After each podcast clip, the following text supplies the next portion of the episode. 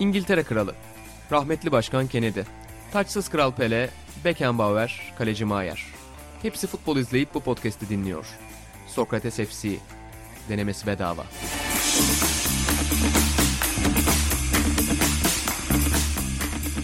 Merhabalar Sokrates FC'nin yeni bölümüne hoş geldiniz. Ben Buğra Balaban, sevgili Atan Altınordu ve İlhan Özgen'le beraber önce geniş geniş Süper Lig'de şampiyonluk yarışını konuşacağız. Akabinde de Carlo Ancelotti'nin gol sevinci üzerine hem o anı biraz e, değerlendireceğiz hem de aklımızda kalan diğer ikonik antrenör sevinçlerini konuşacağız. Baylar hoş geldiniz. Hoş bulduk. Çok coşkulu bir giriş yaptın. Yani çok enerjik girdim. Evet, in, ee, inanın... inan gibi ölgün ölgün girmedin bir anda böyle modumuz düşüyordu inan olunca. Güzel ben sevdim. İnanın yokluğunu aratmamak adına e, böyle Bak, bir giriş anlatım yaptım. bozukluğu. Sen senin yapmaman lazım. Sen bir uzmansın. Varlığını aratmamak evet, adına mı demek? İnanı inanı aratmamak, yokluğunu hissettirmemek. Hmm, doğru Sana yakışmadı. Doğru söylüyorsun. Her alanda hafta... ders alabilirsin bu adamdan yani. Estağfurullah. Buğra, saniye Buğra, saniye. An, anlık bir şey Buğra bu konularda çok iyidir. Mersi birbirimizi de güzelce övdükten sonra ana konumuza geçelim. Şampiyonluk yarışından biraz bahsetmek istedik. Çünkü hem üç büyüklerin 48 puanda eşitlendiği buradan e, sevgili Kutay Ersöz'e de selam olsun. 48 Kutay adlı e, Twitter hesabından takip edebilirsiniz. Hem de Trabzonspor'un Abdullah Avcı ile beraber son 15 maçta yakaladığı harika formla bir anda potoya girdiği onların da 6 puan geriden bu zirve yarışını takip ettiği, Alanya Spor'un hala o sularda gezdiği nefis bir sezon ortası yaşıyoruz açıkçası üst taraf açısından. Atan senle başlayalım istersen. Nasıl değerlendiriyorsun yarış? Şu an beklediğin şekilde mi ilerliyor? En azından sene başındaki beklentilerinle şu an gördüğün tablo nasıl değişti?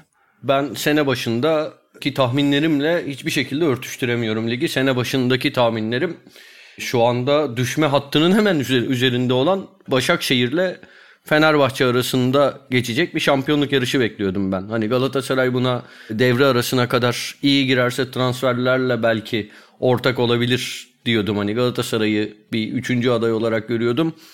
Beşiktaş'tan böyle bir performans açık konuşmak gerekirse pek beklemiyordum. O yüzden yani Sergen Yalçın'ın inanılmaz daha önce de birkaç kere bahsi geçti kısa kısa ama çok büyük bir performans gösterdiğini düşünüyorum. Tamam hani en son transfer döneminin son günlerinde hani ilk yarıdakinden bahsediyorum. Takıma katılan oyuncularla kadro biraz kuvvetlenmişti ama özellikle Joseph çok büyük bir eksiği kapatmıştı ki şu ana kadar bence sezonun en iyi 2-3 oyuncusundan biri. Yani hayranlıkla izliyorum. Hele bu, bu hafta oynadığı futbol inanılmazdı. Da konuya döneyim tabii. E, o savun yani Beşiktaş'ın bu savunma hattıyla şampiyonluk yarışının bu noktasında zirvenin ortağı olması çok çok büyük sürpriz oldu benim için. Ama çekişmeli, heyecanlı bir lig oluyor. Trabzonspor da Abdullah Avcı'yla olağanüstü bir yükselişe geçti. 15 maç sadece bir mağlubiyet, 3 beraberlik. Onlar da artık yavaş yavaş yarışın içine giriyor. Alanya Spor'un düşüşe geçmesini bekliyordum. Daha önce burada konuşmuştuk. Kadro yani derinliği pek yok. Yedek kulübelerinin yaş ortalaması herhalde 21-22. Ee, biraz ona bağlıyorum bu düşüşü. Ee, ama dört takım arasında geçen güzel bir yarış. Yani en azından puan durumu yani heyecan kim önüne geçecek her hafta lider değişiyor neredeyse. O anlamda güzel bir yarış. Hani ortam çok güzel olmasa da şu anda yarış güzel savunma hattından bahsettim Beşiktaş'ın. Yani kağıt üzerine sene başında şüpheler vardı elbette ama mesela o savunma hattından sen Joseph ön plana çıkardın. Ben de Rozier'i biraz konuşmak istiyorum. Yani bazen insanlar hani okuduğum kadarıyla sosyal medyada denk geldiğim kadarıyla biraz işte fazla açık verdiğinden yer yer. Şarkıyı çok boşalttığından şikayetçi olabiliyorlar ama hücuma müthiş bir çeşitlilik katılıyor hakikaten. Orada Gezal'la buluşturduğu yani kurdukları ortaklık da çok fark yarattı bence. Beşiktaş adına tabii derinlik ve kadro genişliği problemi biraz herhalde insanların aklındaydı. Şu ana kadar müthiş geldi dediğin gibi Beşiktaş ama işte Rıdvan'ın sakatlığını gördük. İşte En Sakal'ın kırmızı kartını mesela görüyoruz bu hafta. Hani bu tür alternatifler azaldıkça yoğun maç trafiğinde ona nasıl çözümler üretecek Sergen Yalçın o da herhalde en önemli sınav olacak önünde. Şu ana kadar her sınavı gerçekten harika verdi Sergen Yalçın ama bir yandan da materyal tabii devreye girebilir. Katılıyorum ama ya şu ana kadar yaptıkları hani şey klişeye gireyim hani yapacaklarının teminatı gibi oluyor. Yani şey Necip Montero savunma hattıyla bile Beşiktaş e, birçok maçı ya yani birçok maçı değil de bazı maçları geçirdi. Yani o maçlardan çıkmayı başardı. Ya çözüm bulunur gibi geliyor. Tabii işte önün önde Atiba ve Joseph'in olmasının da etkisi var. Ee, yani gidiyorlar. Gidiyorlar şey sol bekte bazen En Sakala bazen Rıdvan. Hani orası da eksik görülen bir mevkiydi. Ee, orada da pek sorun yaşamıyorlar. Yani zaman zaman yaşıyorlar. Böyle şey herkes herkes performansının üzerinde. Yani Larin'den böyle bir çıkış bekliyor muydun? Veya Abu Bakar'ın hani sakatlığı dolayısıyla çok şüpheyle bakılan bir transferdi. Öyle Beşiktaş'ta herkes ben mesela Mensa hiç beğendiğim bir oyuncu değildi benim Kayseri Spor'da. Hani tam potansiyeli olduğunu gösteriyordu ama oyun içinde devamlılığı hiç yoktu. Savunmaya hiçbir şekilde yardım etmiyordu. Yani ben Kayseri Spor'u bozduğunu düşünüyordum Mensah'ın. Se- sezon başında Mensah'la ilgili transfer yarışlarını böyle garipsiyordum. Yani hala hani muhteşem bir futbol ortaya koyduğunu söyleyemem ama Mensah da mesela birçok maçta çok faydalı işler yaptı. Yani şey Beşiktaş'ta neredeyse herkes performansının fazlasını veriyor. Yani o yüzden sorunlar aşılır gibi geliyor. Ben Beşiktaş'ı sezon sonuna kadar yarışta göreceğimizi düşünüyorum. İstiyorum da çünkü çok keyif alıyorum Beşiktaş'ı izlerken. Böyle coşkulu coşkulu oynuyor Beşiktaş. Hoşuma gidiyor. Sezonun da en keyifli maçlarından bir tanesinde belki. Bir tarafta ayrı Beşiktaş tabii Trabzonspor'la beraber. En azından benim en beğendiğim, en hoşuma giden maçlardan bir tanesi oldu. Bilmem ne dersin? Öyle öyleydi şey de öyle. Yani buradan belki Trabzonspor'a da geçeriz de Beşiktaş Fenerbahçe maçı da çok çok güzeldi. Hani gerçi birkaç ay geçti üzerinden ama o da çok keyifli bir maçtı. Kesinlikle öyle. Beşiktaş'ın çoğu maçı keyifli. Katılıyorum zaten genel maç ortalaması olarak herhalde en büyük seyir zevkini veren takım hangisi diye sorsak şöyle bir baksak belki Beşiktaş'ı orada ön plana çıkarabiliriz. En çok o golü atan da ben. Beşiktaş. Aynen öyle o sütuna da yansıdı. Trabzonspor'a doğru geçelim isterseniz. İlan senin de eklemek istediklerin var mı bu arada? Sen biraz hani sen de, hani Süper Lig'i söylüyorsun ara ara hani her hafta her maç düzenli takip etmeyi biliyorsun biraz daha. Aynen. O yüzden Hiç biraz böyle çekinerek çekinerek soruyorum sana. Sen istediğinde gir lütfen. Teşekkür Biz de böyle. Trabzonspor'dan bahsettik biraz girişte. Yani müthiş bir form var. İşte 15 maçta 3 beraberlik, 1 mağlubiyet. Ee, son 5 maçta üst üste galibiyetler. Ki ilk haftalar biraz işte tek gollü galibiyetlere biraz burun kırılıyor gibiydi sanki Trabzonspor'da. Ama geçiş dönemi de atlatıldı. 2 gollü, 3 gollü galibiyetler de gördü Trabzonspor ve çok iyi yolda görünüyor bir yandan. Ve eklemeler de geldi devrede tabii onu da atlamayalım. Geldi ya şey Berat da mesela şimdi yine açık konuşayım hani tamam bir yandan beğendiğim bir yandan bir sürü soru işaretini kafamda oluşturan bir oyuncuydu. Berat'ın şu anki performansı yine hani kusursuz gibi geliyor. Bakaseta ya şey hakikaten şey dün mesela Alanya Spor Galatasaray maçını izlerken dün diyorum da podcast tabii yarın öbür gün yayınlanır. Ee, biz perşembe akşamı çekiyoruz. Ee, Efecan'ı da Trabzonspor almış olsaydı Alanya Spor'dan iyice şampiyonluk yolunda güçlü bir adaya dönüşebilirdi diye düşündüm. Öyle ne diyeyim yani şey hiç hiç beklemediğimiz bir çıkış zaten Trabzonspor ilk 8 haftada bir galibiyeti mi ne var ve 7 haftada öyle bir şey. E, Abdullah Avcı gelene kadar bir galibiyeti vardı takımın.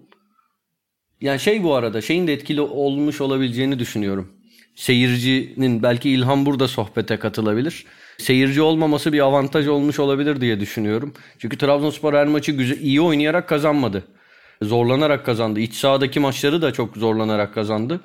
Seyirci olsa o homurdanmalar takıma kötü etki edebilirdi. Abdullah Avcı'nın da bayağı bir zaten seyircisiz maç veya çok az seyircili maç tecrübesi var. Belki onun da biraz etkisi olmuştur. Ama şey ya Trabzonspor'u izlerken keyif alıyorum diyemem. Ama sonuca gidiyorlar. Yani şey gibi ya biraz mesela Fenerbahçe de öyle izlerken keyif almıyorum ama çok yetenekli oyuncuları var ve bunu onları iyi kullanıyorlar. Trabzonspor'da şu anda öyle gibi.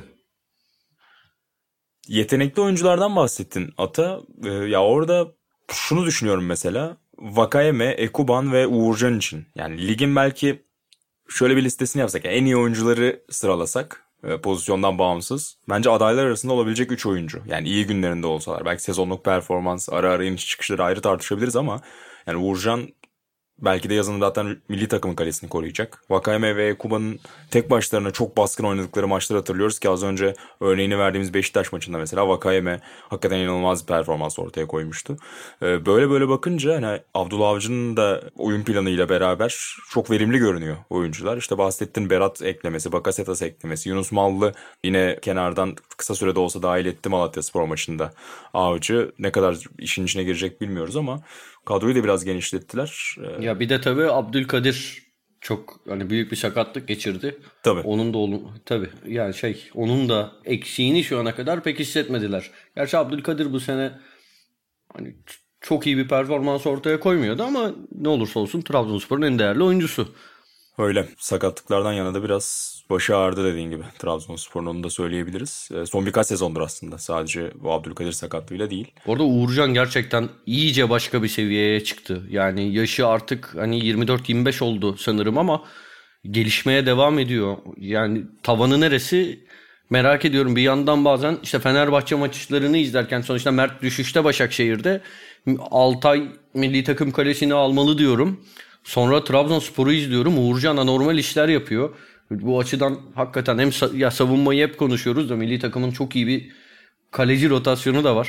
Bu yarışı kim alacak onu da merak ediyorum. Hakikaten kim alırsa çünkü senelerce milli takım kalesini muhtemelen o koruyacak. Kaleci sürekli değişen bir maç o oynasın bir maç o, bu oynasın denilecek bir mevki değil ya. Birine yazık olacak orada. Aynen öyle ama bir yandan da hani olası maazallah sakatlık durumlarında ya da formsuzluk durumlarında iki tane çok iyi alternatife şu an sahip oluyor olmamız ki arkalarında da farklı alternatifler var aslında form durumlarına tabii, göre tabii. iyi. Üçüncü kalecilerimiz de var. Türk futbol yüzden... tarihinin en iyi kaleci rotasyonu bence yani çok çok çok iyi bir sürü çok iyi kaleci var.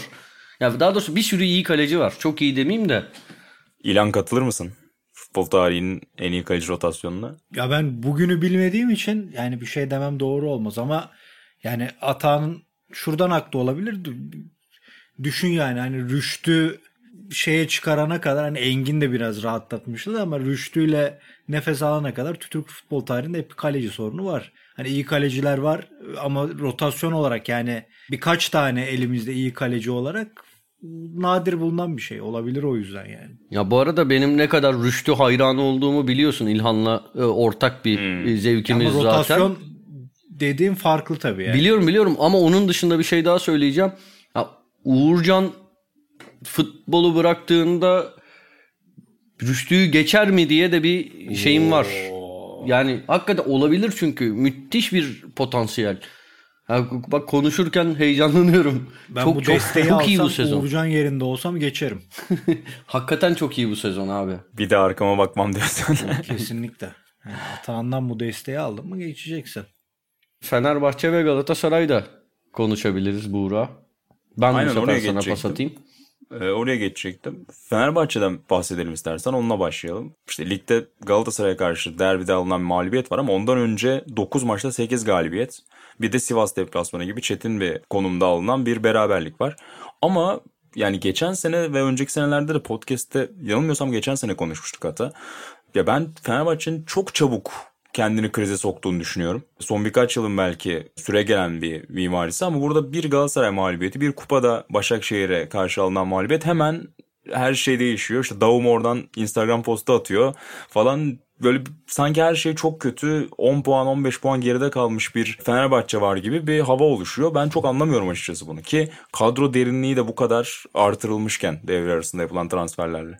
Ben hani aç çalım önümüze kadroları hala hani bence Fenerbahçe'nin kadrosu ligin en iyi kadrosu. Hani ben bence net bir şekilde ligin en iyi kadrosu. Ya bu kadronun oyun olarak hakkı veriliyor mu? Hani bundan emin değilim ama hani önceki yıllardan yine burada defalarca konuştuk. Erol Bulut bu Erol Bulut benim beğendiğim bir teknik direktör. Yani şu an eleştiriler kazanırken bile şey e, üzerine kuruluyordu. Fenerbahçe böyle futbol oynar mı? Topu rakibe bırakır mı? Ama bir yandan da aynı zamanlarda Erol Bulut böyle eleştirilirken bile e, hatta bazen aynı insanlar tarafından artık e, futbol değişti. İşte eski ezberler bozuldu. Bu oyun daha çok kazanıyor diye de konuşuluyordu. Ya bunu bence uzun vadede göreceğiz. Belki bir sezonda bile değil. iki sezonda, üç sezonda, dört sezonda göreceğiz. Belki ya futbol hep değişiyor gerçi. Belki o değişimin arasına başka bir değişim girecek. Bu gündem dışı kalacak. Bir detay olarak kalacak tarihte. Bunları hani bugün öngörmek yani en azından ben öngöremiyorum öyle söyleyeyim. E, mümkün değil demeyeyim. Ama ya Fenerbahçe sonuca gidiyordu. Az önce Trabzonspor örneğini zaten Fenerbahçe üzerinden vermiştim. Bu Fenerbahçe'de daha net. İleride o kadar çok böyle değişik işler yapabilecek oyuncusu var ki Fenerbahçe'nin bir şekilde kazanıyor. Duran topların da tabii çok büyük e, faydasını görerek bir şekilde kazanıyordu Fenerbahçe.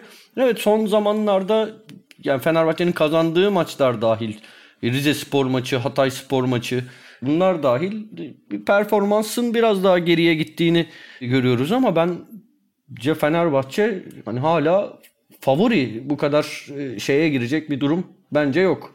Yandık bittik ruh haline girecek bir durum bence yok. Tabi derbi mağlubiyeti hele yani şu ara ortam çok çok gergin.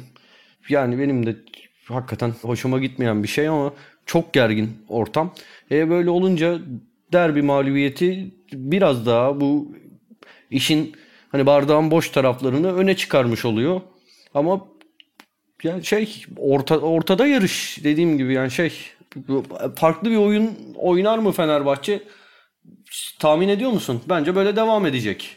Yani şu an görünen ama bir yandan da şunu düşünüyorum. Mesut'un da etkisi tabii ne olacak onu da bilmiyoruz. Şimdi evet. oraya bağlayacaktım. Yani Mesut Özil geldi. Çok büyük bir isim tabii ki. Neler göstereceğini herkes merakla bekliyor ve oynayacak yani sağlıklı olduğu sürece formda ol yani en azından fiziksel olarak bir problem olmadığı sürece 11'deki yeri aşikar olacak.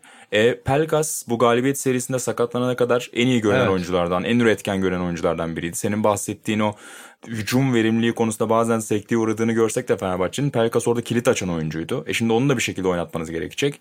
E bir yandan işte Samat da var, Tiam var. Hiç fena durumda değildi. Tiam, Bright, Ozay Samuel transferi var. Yani çok da fazla aslında hücumcu var. Şimdi bir şekilde onların da e, oynamasını bekliyoruz. O yüzden hani bir değişiklik olur mu? İrfan Ka- Can Kahveci transferini tabii ki ekleyeceğiz. Mesut'tan bahsettik evet. ama bu kadar isim de varken biraz daha hani hem İrfan hem Mesut sanki topla oynamak durumunda da kalacak gibi geliyor bana Fenerbahçe. Olabilir ama hangisi oynayacak onu da bilemiyorum. Fenerbahçe kadrosu haddinden fazla geniş gibi geliyor bana. Hakikaten ben 11'i dizmeye çalışıyorum dizemiyorum. Biri hani asla yedek kalamayacak oyunculardan bir tanesi iki tanesi yedek kalıyor.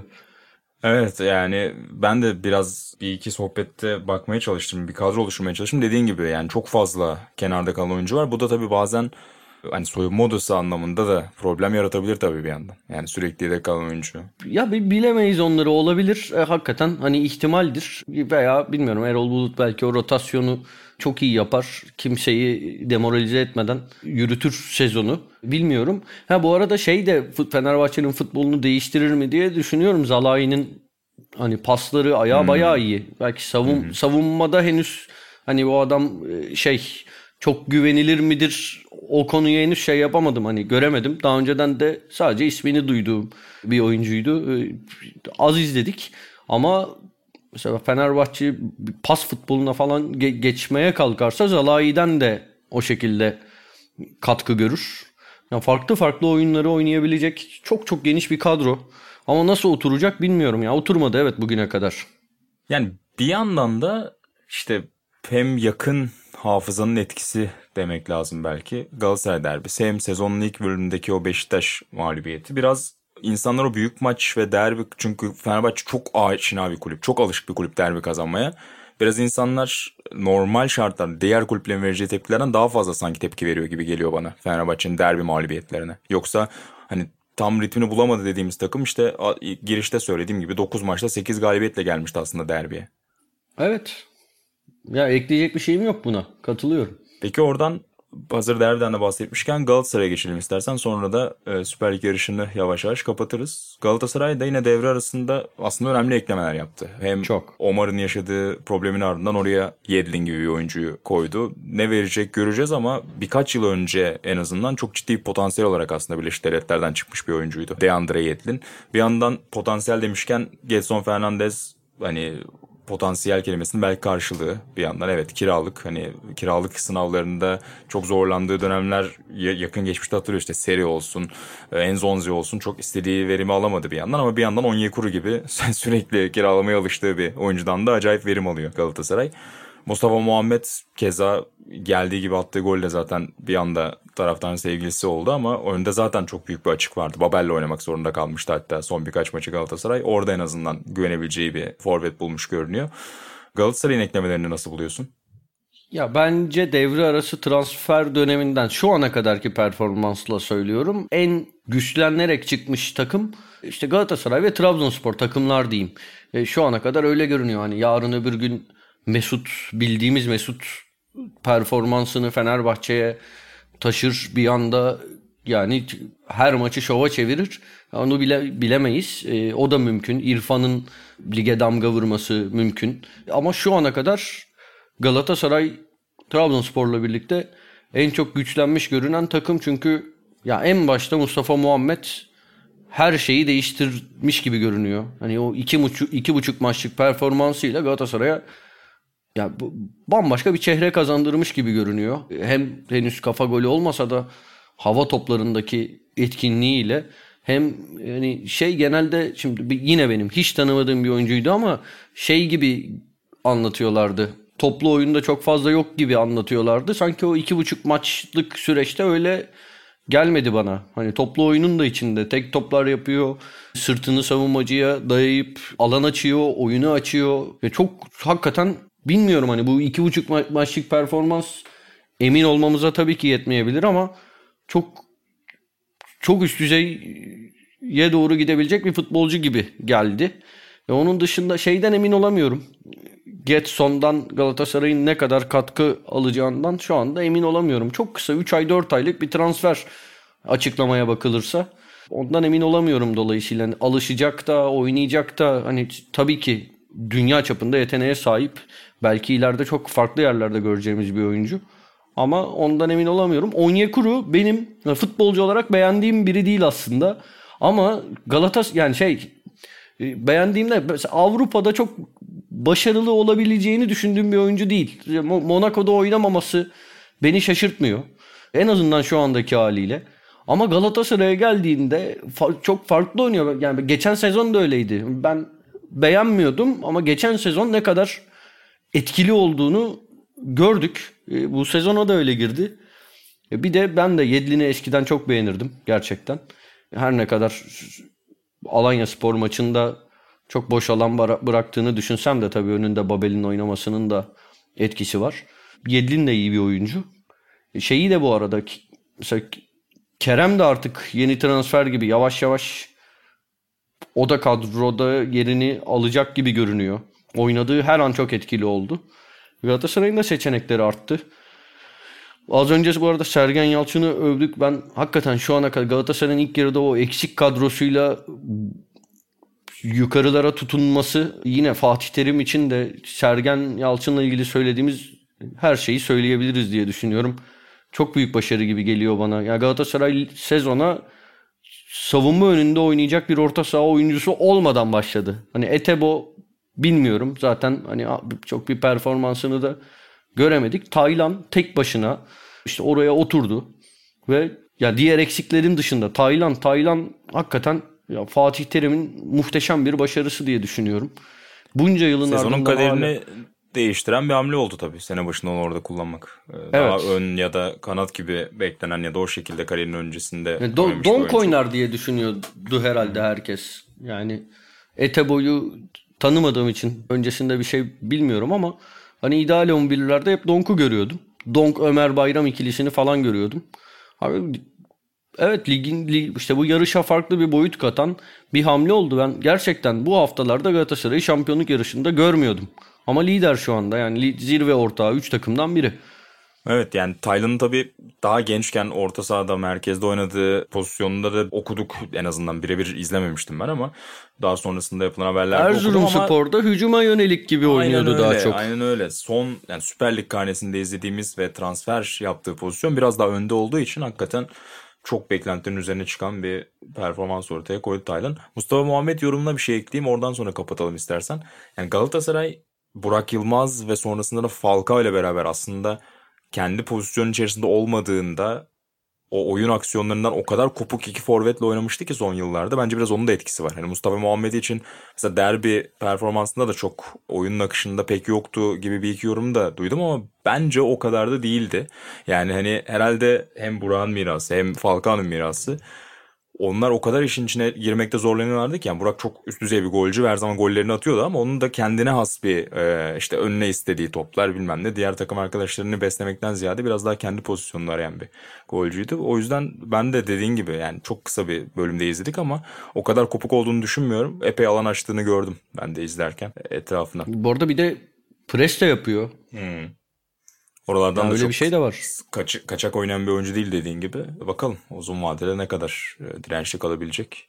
Hep dönüp dolaşıp oraya geliyoruz ama yoğun da bir fikstür var. Yani devre arası da yapamıyor takımlar bir yandan. O maç takvimi devam edecek. E, Hafta içi maçları. Bir gün şeyi de konuşalım. Şimdi bugünkü planımızda yok da ya mesela Hatay Sporu, Karagümrük'ü bir gün onları da konuşalım. Haksızlık etmeyelim. Mutlaka sezonun başında yanılmıyorsam ilk milli takım ya da ikinci milli takım arasında biraz göze hoş gelen takımlardan bahsetmiştik ama daha detaylı konuşalım onları. Söylediğin gibi özellikle Hatay Spor'un yaptığı şu kadroyla gerçekten çok etkileyici. 6. sıradalar. Biz ilk 5 saymıştık ama Hatay da ilk 23 maç sonunda 38 puan topladı. 6. sırada yer alıyor. Karagümrük yine ilk 10'da. Özellikle de bu arada hani Ömer Erdoğan'ın başarılı olmasını da çok istiyorum. Gerçekten çok beyefendi bir insan. Çalışkan da bir teknik adam. Çok istiyorum başarılı olmasını. Ya şu ana kadar da çok iyi bir ya zaten bizim söylememize gerek yok. Puan durumu söylüyor. Peki e, şampiyonluk yarışını böylece konuştuk. Çok İlhan'ı işin içine e, sokamadık bir iki e, ince denememiz olsa da. Şimdi ondan daha derin derin onun hafızasına da başvurabileceğimiz bir konuya geçelim.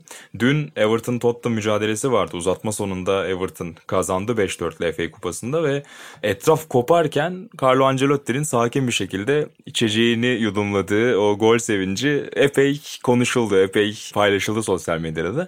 Yani ben şunu düşündüm yani Carlo Ancelotti neler var kariyerinde ne maçlar görüp ne kupalar kazanmış böylece yani FA Cup'ta bir tur atlamak onu çok da heyecanlandırmamış olması beni çok şaşırtmadı açıkçası ama yine de hafızalarda kalacaktı tabii ki. Bu tür antrenör sevinçlerini ya da aklınızda kalan anları konuşalım dedik. İlhan senin aklına neler geliyor kimler geliyor?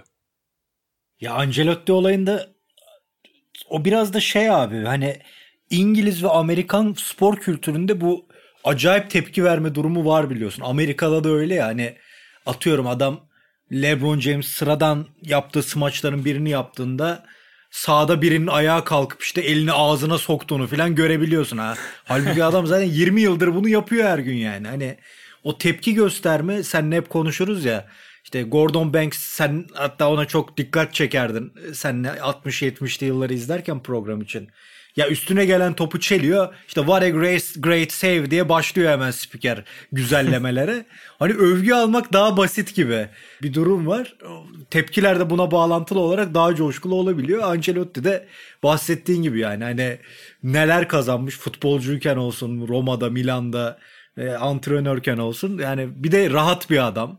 Daha önce de konuşmuştuk işte Milanello'da takım yemek yerken Paolo gel yeni şarabı denedin mi diye Maldini'yi masaya çağıran rahatlıkta bir adam. Yani bu- bunlar düşünüldüğünde hakikaten şey ama yani çok şey olmuş ikonik olmuş ben de sonradan gördüm ama bir yandan kahveyi üflemesi etmesi filan e, yine karizmasını konuşturmuş o açıdan. Ya antrenör gelen- gol sevinci Mourinho'nun ve Carvalhal mıydı Beşiktaş'ı çalıştıran Hmm, Portekiz'de? Carlos. Ya onun o son saniye deparları ikisinin de çok şeydir böyle hani çok nadir gördüğümüz hani o zamana kadar antrenörler o kadar şevkle sevinen adamlar değildi. Mourinho belki de bu açıdan da çok fark yaratmıştır. Genelde hele eskiden antrenörler daha böyle öğretmen bilgi adam tarzı kenarda duran hani tepki verir. Rinus Michels'in Van Basten'in golüne verdiği tepkiler gibi ama Mourinho onu bir oyuncu gibi yaşıyordu.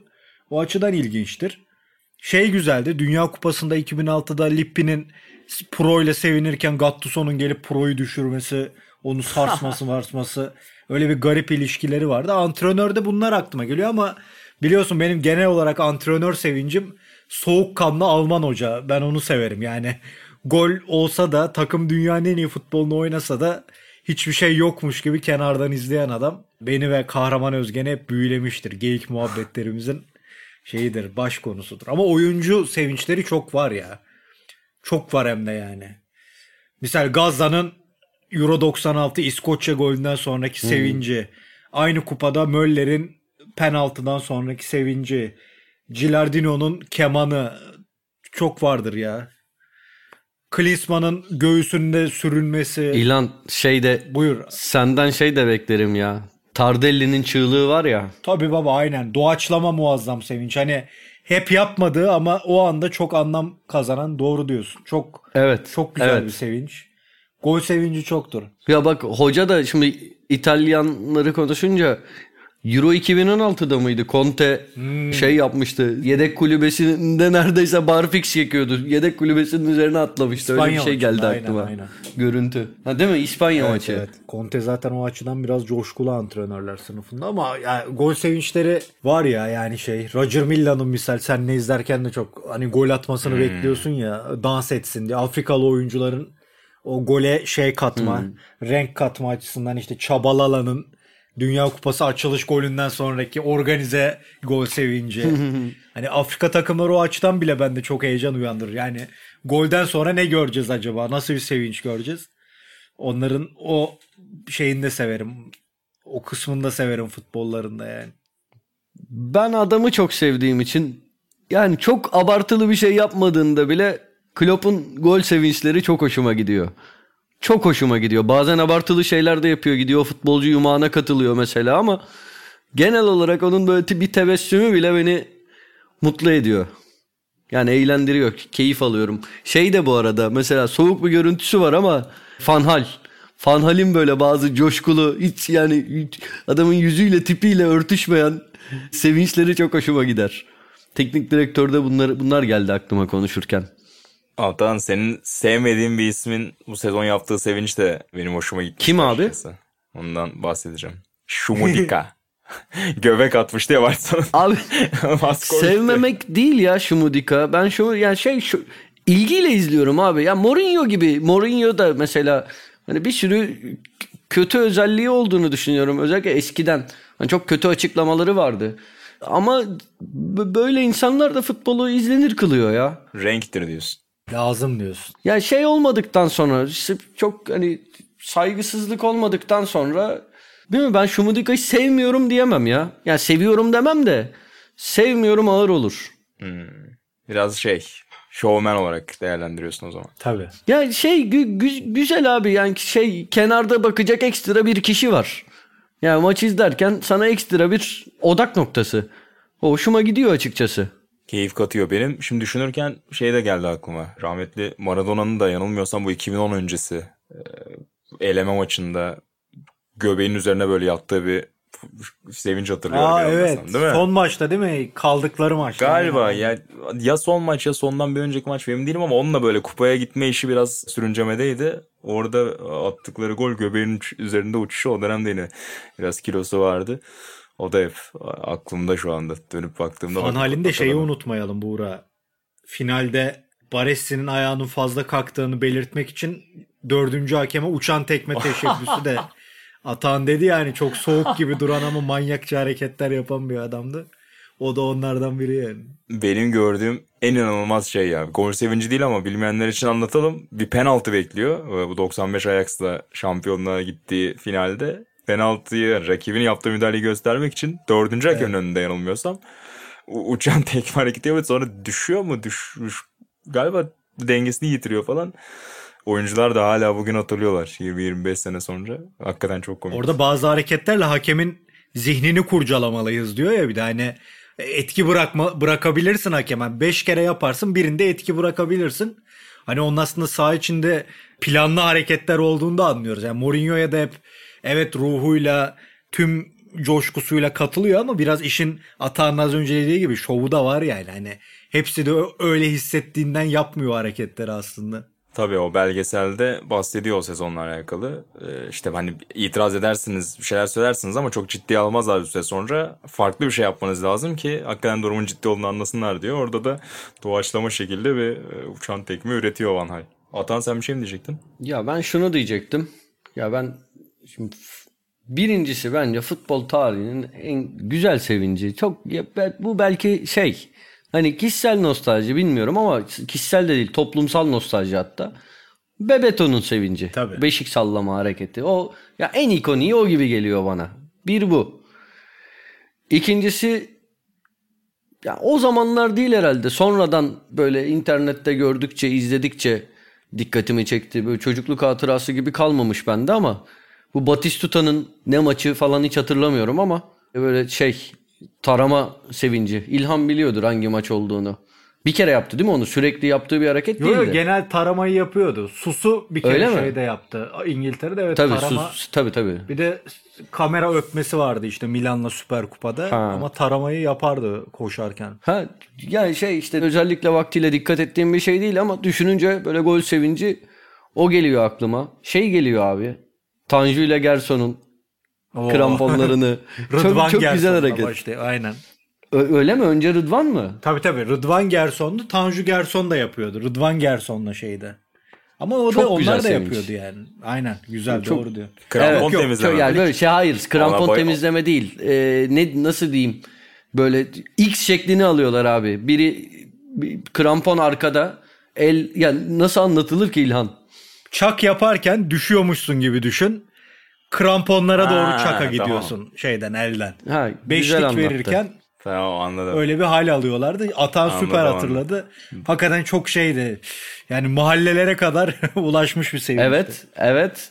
Bana hatta hep Kappa logosunu hatırlatır. Alakası olmasa bile onu hatırlatır. Abi bir de bir şey daha söyleyeceğim. Atan üstümde yani de kappa var yani. Nasıl bir adamdır ya. Korkuttu beni. Şaş- Nasıl? Ne dedin? Şu an üstümde de kappa kapşonlum var. Beni korkuttun. Kappa logosu O diye. Roma, Roma, sarı şey, Roma renkleri değil mi? Yok yok kappa kapşonlu mavi bir şeyim var benim de eşofmanım. Kocaman logosu Buğra- vardır sol tarafta. Buğra programın boyutunu değiştirelim. Senin üzerinde ne var? Aman o nasıl bir diyalog.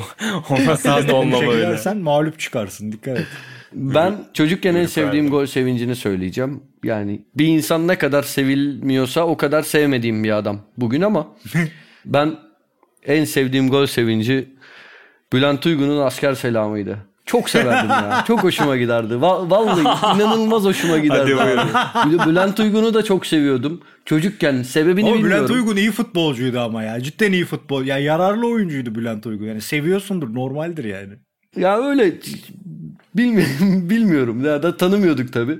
Bir de öyle öyle bir etken var ama o asker selamını nedense çok yani ben çünkü çocukken şeydim abi. Selam takıntılıydım.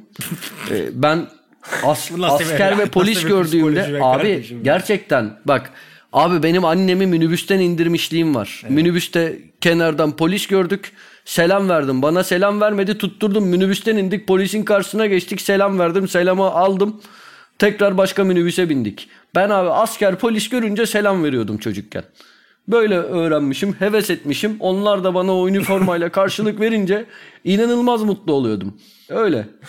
Dolayısıyla ya hatta bir şey acayip böyle asker olmak istiyordum, askere gitmek istiyordum. Onların da etkisiyle Bülent Uygun'un gol sevinci çok hoşuma gidiyordu. Yani sonuçta şey yani benim için rakip takım oyuncusu ama Bülent Uygun gol atınca mutlu olduğum oluyordu. Bir, bir sevinç daha söyleyeceğim. Hertha Berlin'e attığı golden sonra Tugay'ın gol Ha. sevinci. İşte bu dans eder gibi yürüyüp arkasına bütün takımı taktığı. Bir de çok, tabii çok klişe olacak ama timsah yürüyüşü tabii. O da bütün mahallelere yayılan, çok ses Doğru. getiren olağanüstü bir şey. Ben o krampon temizleme şeyini de çok severdim. Mahallede de böyle yapmayı düşünürdüm ama küçükken de bir yandan korkardım. Kramponlar çok çivili gibi gelirdi o zaman. Ulan şimdi de temizlerken nasıl yarmıyor falan dizi diye. Ee, küçükken onun dilenmayı yaşamıştım. Daha sonraki yıllar için de ben Guiza'nın sevincini de çok beğenirdim. Aa, bu arada. güzel, yani güzel, yaratıcı ve güzel. e, şey gelirdi. Çok kemancısının güzeldi. farklı bir yorumlaması gibi bir şeydi. Diz çöküp de. Ha, aynen. Doğru Güzeldi. doğru. O da çok güzeldi. En absürt desem peki son bir iki dakika diyelim artık yavaş yavaş kapayacağız ama en absürt benim aklıma gelen herhalde birçoğunuz da onu söyler ama Robbie Fowler'ın manşetlere tepki olarak çizgiyi bir uyarıcı madde şeklinde burnuna çektiği an. Evet o da iyi şeydi. Garipti. Ya vardır ya çok böyle Why Always Me de işte bir golden sonra yapmadım Balotelli. O da bir garipti. Yani Doğru. e, neden Always You Doğru, olduğunu doğru. anlamı hala anlamamış olabilir Sonra ama gördük. o da il- ilginçti ama Fowler'ınki garipti tabii. Ya şeyin de Gazza'nınki daha ortalıkta garipti. Yani şampiyonu oynanıyordu. İşte e, takımın o şeyde yaptığı kamptaki dişçi koltuğu fes şeyi partisi filan o açığa çıkmıştı. Hani o o benim mesela daha çok aklımda kalmıştı. Şeye basına cevap olarak verilen ilk aklıma gelen gol sevinci odur herhalde futbol hafızamda olan. Ama Ben birkaç iyi şey daha şeyler söyleyebilir miyim? yani. Bak geliyor. Birkaç şey daha söyleyebilir miyim? Tabii. Mususi'yi de rahmetle analım baba bu arada. Timsah Analım ya sevinci. vallahi. Aynen. Allah rahmet eylesin. Hakikaten çok mu- mu- muhteşem bir muhteşem bir e, yerde kaldı insanların hafızasında. Yani sizin Peki de benim de. Mutlu mu Mususi mi röportaj? İki seçeneğim var. Atan çok sorar ya böyle soruları Buğra. İki seçeneğim var. Mususi mi Mutlu mu? Mutlu baba. Mutluyla mutluyla yapalım ya. Mususi hani geçti zaten artık mümkün değil de dediğin gibi. Mutluyla yapmak lazım ya. Atan onu bir senior ne diyor da ya da podcast'te ya hatırlamıyorum artık. Ben de Atan gibi oldu hafızam. Bu Bursa Spor'un takımının bizim kuşak üzerindeki etkisini konuşmuştuk. Abi acayiptir ya. Mesela ben Ercüment'i birçok Türk santrfordan yani Türkiye'de o dönem çok acayip santrforlar oynadı işte. Onun öncesinde Feyyazlar, Aykutlar, sonra Hakanlar. Yani hepsi çok iyi oyuncular. Tanjular. Yani iyi oyunculardı yani. Ama Ercüment'i bir ayrı severim misal. Balic'i hani Fenerbahçe'den önce ta Bursa'da çok severdim. Yani çok fazla Adnan misal. Yani öyle ağım bir oyuncu değildi belki. ama Ömer vardı stoper. Ömer vardı aynen. Yani Savunmanın Gançev- lideri. Gançev kaleci. Gançev penaltı atıyor abi. Penaltı atan kaleci tabii ki hafızada güzel kalır ya. Yani o Intertoto kupasına baktığında ıvrık zıvrık yani şey bir kupa yani acayip takımların olduğu filan bir kupa ama o heyecan acayip bir şeydi ya. Ya hakikaten çok farklı yeri vardır o Bursa Spor'un. Ben de Mususi de şimdi oradan. Ama Ercüment Baliç ayrıydı bende tabii. O ikisini ayrı bir yere koyarım. Tabii. Özellikle Yani. Baliç hakikaten iyi oyuncuydu yani. Bakma sen hani Real Madrid'e nasıl gitti filan yapıyorlar da. Yok canım gider. oyuncuydu. Ben son birkaç birkaç bir şey birkaç, devirdik. birkaç Varsa sevinç daha söyleyebilir son miyim? örnek. Söyle baba söyle. Son örnekleri alalım. Birini isimle söyleyeceğim. Ben çok seviyorum. Bu Hacı Atletik Bilbao'ya attığı golden sonra böyle şeye yere atlayacak abi. Detay bir şey ama yere atlayacak. Ne yapacağını bilemiyor böyle. Şeye bu atletizm e, pisti oluyor ya sağ kenarında. Orada olduğunu fark ediyor bir an. Canım acır diye düşünüp geri dönüyor. Çimlere giriyor öyle atlıyor. Bir de böyle çocuk gibi. Zaten hani güzel bir gol. O sevinç bir de böyle Hacı'nın sevinci yani sahada böyle ağır adam şey gibi böyle baba gibi falan bir anda golde çocuksulaşması genel olarak çok hoşuma giderdi. Böyle bir de burada o andaki o karar değiştirmesi geri dönüp atlaması çok hoşuma gider. Bir bunu söyleyeceğim. İki vaktiyle bunu yine Hacı da yaptı. İlhan Mansız da yaptı. Genel bir şeye çeviriyorum. Genel üç şey söyleyip susacağım. Hata yapan yani bir kaleci hatasıyla yenen golden sonra kaleciye destek amaçlı yapılan gol sevinçleri. Her zaman beni etkiler. Duygulanırım bir Bayılıyor buna anda. çok çok duygulanırım. Çok hoşuma gider. Şeye şey çok hoşuma gider. Değişik gollerden sonra şaşırma, attığı gole şaşıran ve şaşırdığını belli eden gol sevinçleri. A- anlatabildim değil mi? Gözünüzün önüne geldi. Böyle hayret içen, içinde bakışlar. Kolları yana açar böyle. Evet veya böyle elini ağzına Omuz götürür. silker. Bunlar hoşuma gider. Birkaç örneği aklıma geliyor. Bir de genel geçen podcast'te şeyden bahsetmiştik hatta formalarda. Beşiktaş Ajax maçı mor forma demiştik. Aklımda nedense ilk o gelir. Şifo Mehmet'in kayması gelir ama ben kayma sevinçlerini de çok severim. Bu kadar. Atan Şifa Mehmet onu size Cumhurbaşkanlığı kupasında bile bir röveşata gol atmıştı. Orada da çok yapmıştı. Evet. Onu yapıyordu o kayarak şeyi. Evet evet genel de- Şifo, Şifo'nun gol sevinciydi yani o genelde. Atan bir de şeyi hatırladım bak. Hami Mandıralı'nın Lyon'a attığı golden sonra şöyle oynar gibi koşması. Göbek atar gibi e, parmakları şaklatarak. O da bizim Vallahi çocukluğumuzda çok şeydi. Aa böyle. evet parmakları şaklatarak Aynen, deyince aynen. ah buradan da e, Can Cumhur Bozacı'yı analım. Hakem oyna dedikten sonra göbek atan. Bence Türk futbol tarihinin Evet, en her- komik ikinci olayı birincisi de şeydi işte. Nazım Sangare ile Harun Alpsoy'un e, röportajı. Öyle. ya o da acayip ama yani Cumhur her izlediğimde hala gülüyorum. Harika bir şey. Harika ya. bir şey. Kapanışı da İlhan var mı eklemek istediğin yoksa? şimdi açıldık bitmez bu. Var yani çıkar muhakkak bir şey. Yani Luca Toni ve Apyah'ın telefon olayı var mesela aklıma geldi. Apia harika. Harika. Aynen. Apya onu feci yapar. Atağan'ın duygusal kaleci anısına benzer duygusal olarak hani sakatlanan oyuncunun formasını ya da tişörtünü giymeye onu göstermeyi de Abi severim. alakasız bir şey söyleyebilir miyim son? Sakatlanan oyuncu falan dedin. Abi bir futbolcunun başına kötü bir şey geldiğinde ya çok çok acı bir şey geldiğinde de veya telafisi olabilecek ciddi bir sakatlık vesaire gibi bir durumlarda diğer takım taraftarlarının acının rengi olmaz diye paylaşım yapması beni çok güldürüyor. Bundan daha önce bahsetmedik değil mi? Yani kimse zaten şey demiyor ya hani acının rengi olur de- demezken çok yüce bir şey yaptığını düşünerek insanların geçmiş olsun derken acının rengi olmaz demesi bana çok komik geliyor abi. Bunu söylemek istedim. Peki Atan Yine bir serbest çağrışım. Buğra var. da e, oturaklı bir adam biliyoruz. Yani ben e, her günde Buğra ile bir görüşmemde olduğu için daha da kesinleşti. Ben de oturaklı bir çocuk Buğra ama sen hala içindeki çocuğu öldürmeyen adamlardansın ve ben inanıyorum ki sana sen hala rüyanda gol falan atıyorsundur bir maçta. Böyle rüyalar görüyorsundur. Rüyamda gol görmüyorum. Daha önce burada bahsettiğim böyle sevdiğim gollerimi falan birkaç kez gördüğüm oldu rüyamda. Anladım. Böyle bir sevincin var mı peki? Yani unutamadığın rüyana giren.